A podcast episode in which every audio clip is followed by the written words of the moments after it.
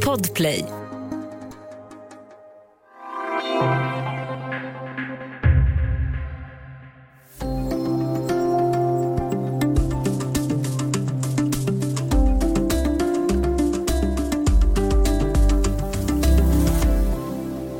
Elpriserna kommer att stiga kraftigt i norra Sverige på måndag. Nu kan elkonsumenterna få det ännu tuffare. Kundtjänsterna hos många energibolag i landet är nedringda av oroliga kunder. Elen är rekorddyr och vissa kunder uppmanas nu att lägga undan tiotusentals kronor för att klara vinterns räkningar. Stämmer det? Hur ska man i så fall klara av att hosta upp så mycket pengar? Välkommen till Studio DN. Jag heter Sanna Thorén Björling. Och idag har jag med mig Dan Lukas som är ekonomireporter på Dagens Nyheter. Hej! Hej! Vi ska titta lite på elpriserna som ju påverkar alla, får man säga, med något slags hushållsansvar.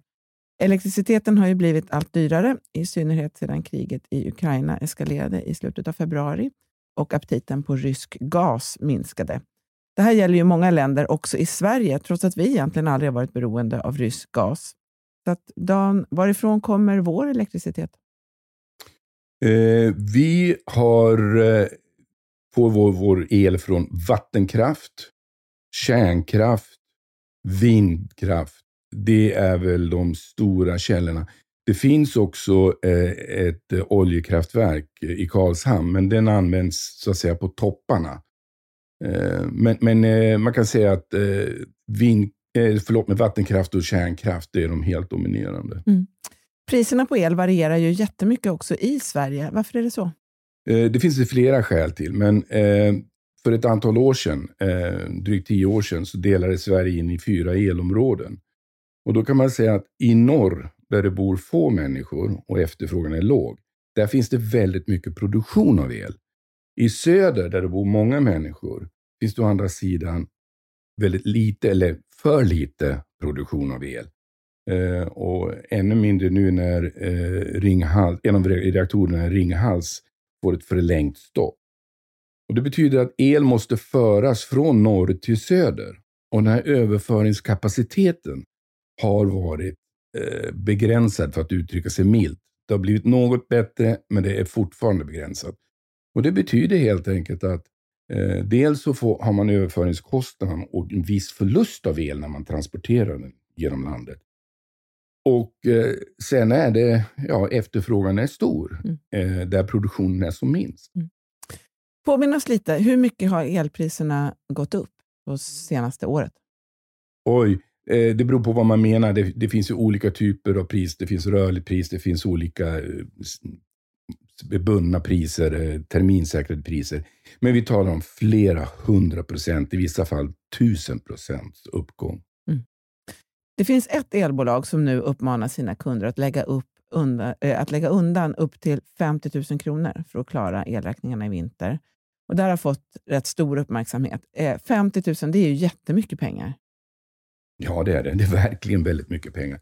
Eh, jag tror att eh, det där var någon slags eh, varningsflagg kan man väl säga. Man ville tala om för kunderna att ni får ställa in er på att elräkningarna kommer bli väldigt mycket högre. Eh, och vad de har sagt själva är att det kan hända att man får månadsräkning på 5 till 10 000 kronor. Och det är naturligtvis otroligt mycket pengar och väldigt jobbigt för den som får det. Samtidigt ska man komma ihåg att oavsett vem som vinner valet nu på söndag så kommer det komma någon form av stöd. Eh, det har alla partier flaggat för. Mm. Men hur tänker de då att man ska spara? Om man då eh, ska lägga undan en massa pengar så att man har råd hela eh, året, om man inte har, liksom, om man har då 25 000 över eh, i månaden nu i september och oktober, då kanske man inte tillhör de som faktiskt måste lägga undan det om man nu är så pass likvid. Vem är det som ska spara de här pengarna? Ja, säg det. Eh, jag vet inte vem som ska göra det. Jag blev själv väldigt förvånad över, eh, det var Varbergs Energi tror jag, eh, ett kommunalt eh, energibolag. Eh, jag blev väldigt förvånad över det där och jag tolkar det, som jag säger, som, som bara ett sätt att säga var beredda på att elen kommer bli väldigt mycket dyrare i vinter. Mm. Det budskapet tror jag för övrigt har gått fram hos de allra, allra flesta. Det är klart att elen kommer bli dyrare. Men mot det ska man då säga att här förväntas det komma någon form av stöd. Jag menar, regeringen har lagt, lagt ett förslag eh, om, om en högkostnadsskydd. Eh, det finns andra förslag om, om eh, sänkt skatt på el och så vidare. Så vi får se vad, som, vad det kommer. Men att det kommer någon form av stöd, det är jag fullständigt övertygad om. Mm. Vi ska också återkomma till vad man faktiskt kan spara in på själv. Eh, och så ska vi säga här också att elpriserna påverkar ju hela Europa och i flera länder eh, finns det ju sådana här statliga eh, paket och så. Det finns också olika typer av restriktioner på olika håll. Kan du ge några exempel på sådana? Ja, restriktioner, men det, det är i varje fall begränsningar. Det är typiskt är liksom att ehm, eh, olika regeringar här i Tyskland till exempel eh, upp, eh, bara säger till. Eh, nej, vi ska inte ha upplysta fasader på offentliga byggnader till exempel. Eh, I Spanien, eh, där är det så att ehm, eh, vad heter luftkonditioneringen får inte sättas på i offentliga lokalen förrän det är minst 27 grader varmt. Eh, uppvärmning, eh, det först när det är 19 grader inne.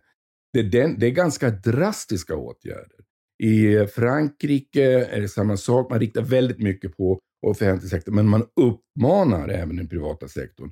Och där finns ett, eh, ett, en eh, ambition att man ska sänka elförbrukningen med 5 procent. Det är väldigt, väldigt mycket. Eh, men å andra sidan då finns förmodligen rätt mycket elslöseri i Sverige, liksom i många andra länder. Eh, så att det, liksom, det går. Det går säkert att hitta sätt att kunna dra ner förbrukningen. Och med tanke på det höga priset så är att dra ner förbrukningen och spara el, det kan i förlängningen till och med pressa priset på el. Mm. Vi ska alldeles strax tala mer om elpriserna i Sverige och på andra håll.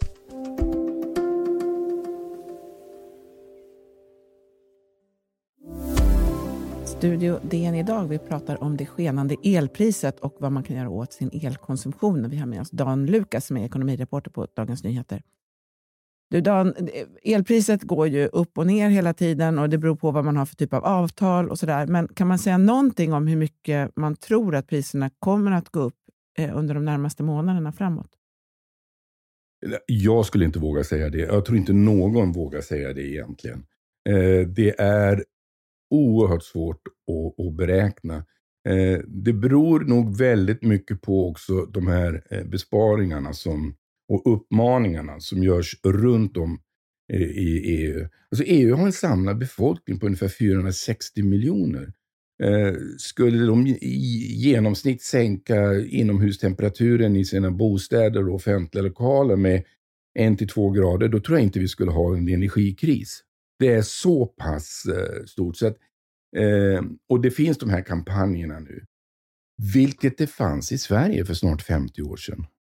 Efter eh, oktoberkriget 1973 så steg ju priset på olja oerhört kraftigt. Det här ledde till en energikris i, i stora delar av västvärlden. Och då hade vi stora statliga kampanjer i Sverige. Vi hade till och med en myndighet som eh, instiftades och som hette, eh, vill jag minnas, eh, Energisparkommittén. Som kom med en rad tips, handfasta tips och råd. Eh, och jag kommer själv, jag var ju bara tonåring, men jag kommer ihåg själv sådana här saker som låt tomma rum vara mörka rum och sådana saker. Och 1974 var elförbrukningen i Sverige 6% lägre än vad den var 1973. Det är oerhörda siffror. Jättestor eh, sänkning. Eh, så nu, vad har den svenska regeringen gjort hittills för att parera elpriserna? Eh, man har kommit med ett förslag eh, om att eh, elkunderna ska få en återbäring.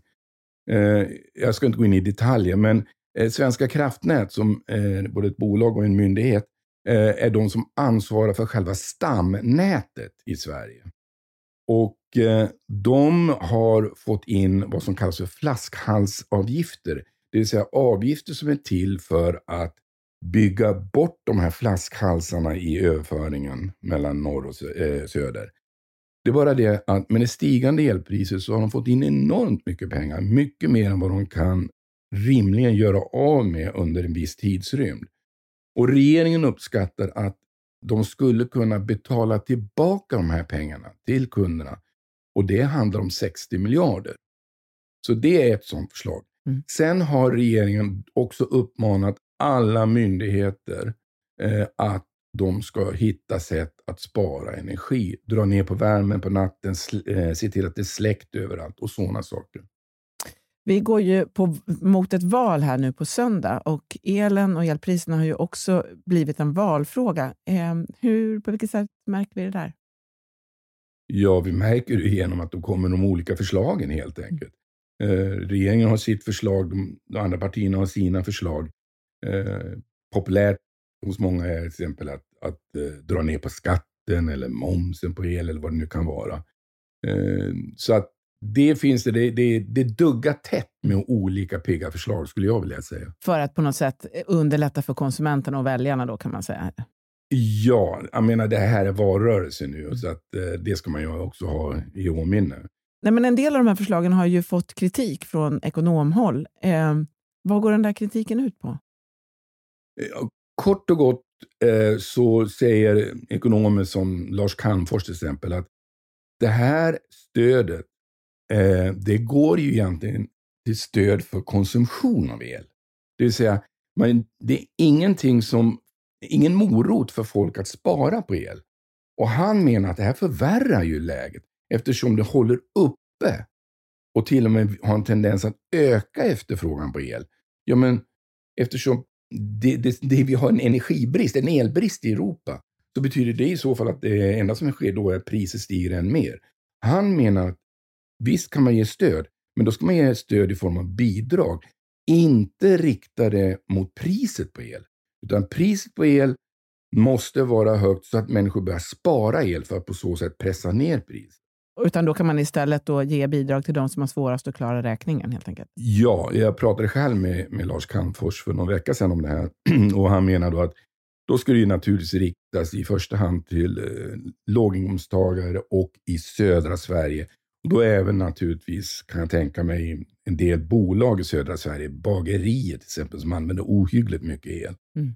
Um, ja, macka vill vi ju ha helt enkelt. Um, Eh, du var inne på det att de här prognoserna är otroligt svåra att eh, säga någonting om där framåt. Det är ju också väldigt mycket storpolitik i det här.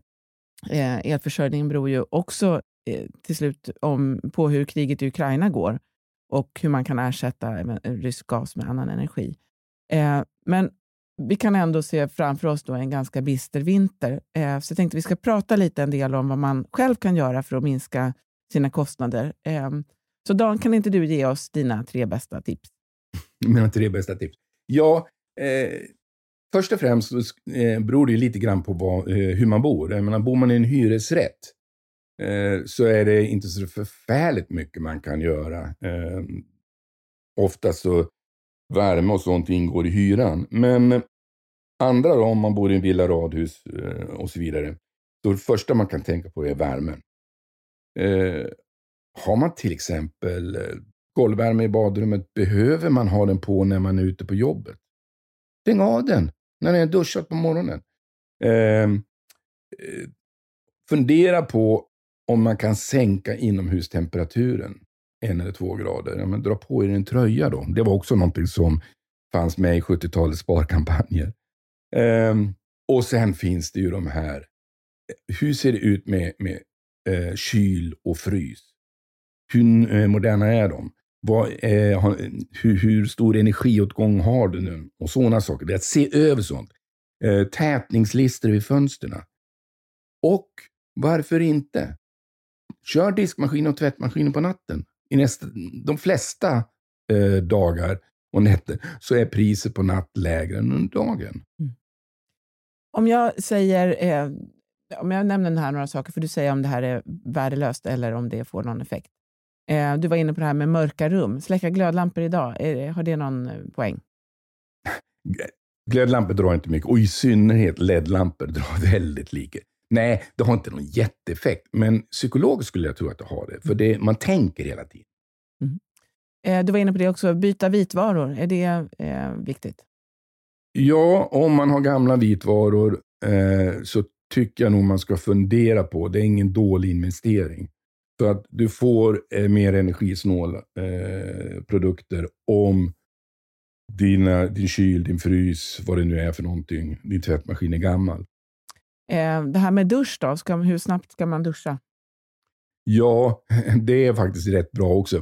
Alltså, blöt ner kroppen, stäng av duschen, tvåla in dig, skölj av eh, tvålen. Då är det. Um, lyxdusch en gång i veckan kanske, men jag menar till vardags, äh. Och så var du inne på detta med, med att man kan tvätta vid smarta tider och så.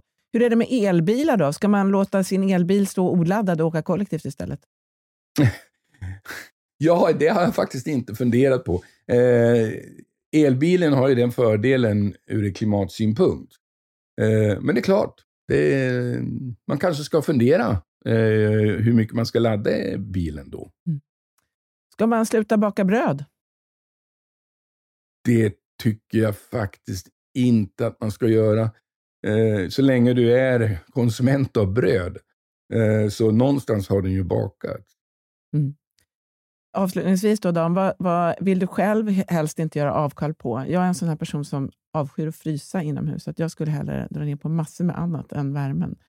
Eh, Ja, det är trist, Sanna. För värmen, vet du, det är nästan det viktigaste. ja, men jag vet.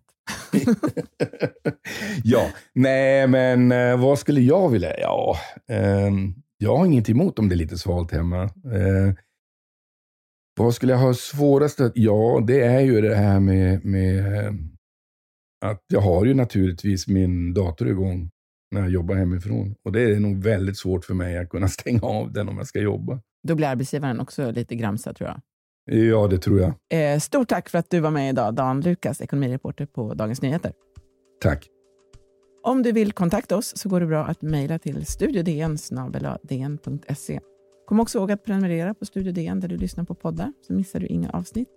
Studio DN görs för Podplay av producent Palmira Kokarimenga, ljudtekniker Patrik Miesenberger och teknik Jonas Lindskog Bauer Media. Jag heter Sanna Thorén Björling.